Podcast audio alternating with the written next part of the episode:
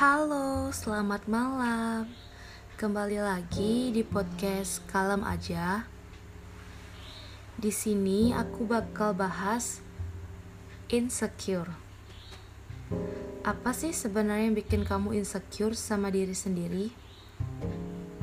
Mayoritas orang-orang bilang kalau sesuatu yang mereka punya gak sesuai dengan standar yang ditentukan sama lingkungannya. Banyak banget sekarang yang terjadi.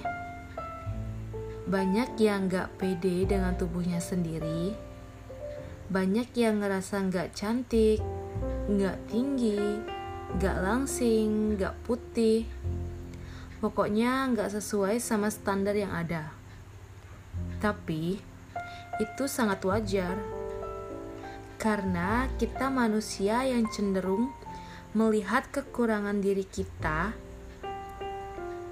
terlebih dahulu. Tapi kadang kamu juga ngerasa jadi orang yang percaya diri, tapi masih ngerasa insecure sama hal yang tertentu. Mungkin karena kamu pernah mengalami body shaming.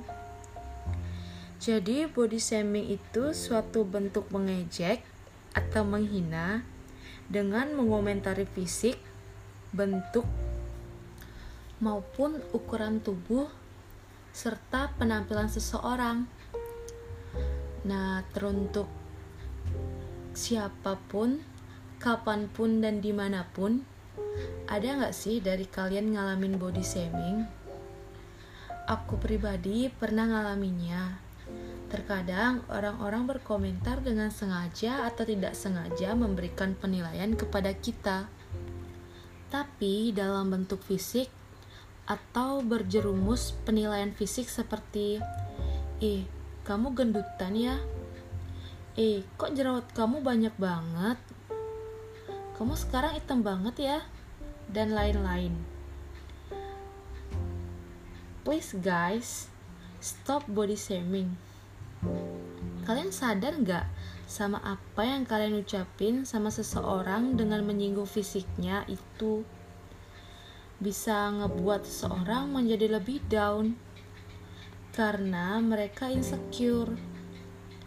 Gak semua orang bisa nerima hal yang kalian ucapin dan itu bisa ngebuat mereka lebih nggak percaya buat tampil jadi diri sendiri.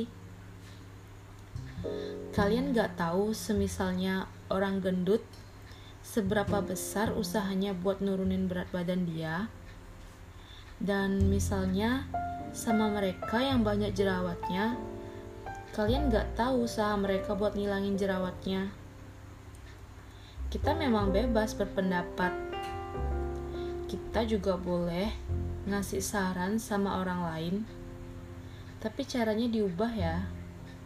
Mungkin lebih diperhalus lagi.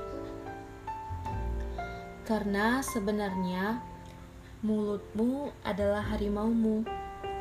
Mungkin di sana mereka tertawa dengan kita.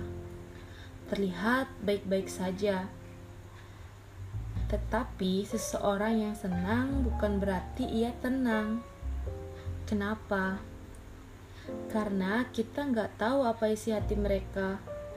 Kita nggak pernah tahu apa yang mereka rasain setelah mendengar ucapan-ucapan kita. Aku dan kalian yang pernah jadi korban body shaming, udah stop, nggak usah dipikirin. Jangan pula didengar apalagi ngerubah diri kalian berdasarkan standar pandangan orang lain. Buat kalian, perempuan di luar sana, kalian cantik dengan apa adanya yang ada di diri kalian. Dan bagi kalian laki-laki, kalian tampan dengan apa adanya di diri kalian. Jadi kasarnya gini, selagi mereka nggak ngasih makan, ngapain didengerin selagi kita nggak bebanin mereka ya udah I don't care secara nggak langsung mereka mikirin kita mencari kekurangan fisik kita fix mereka iri.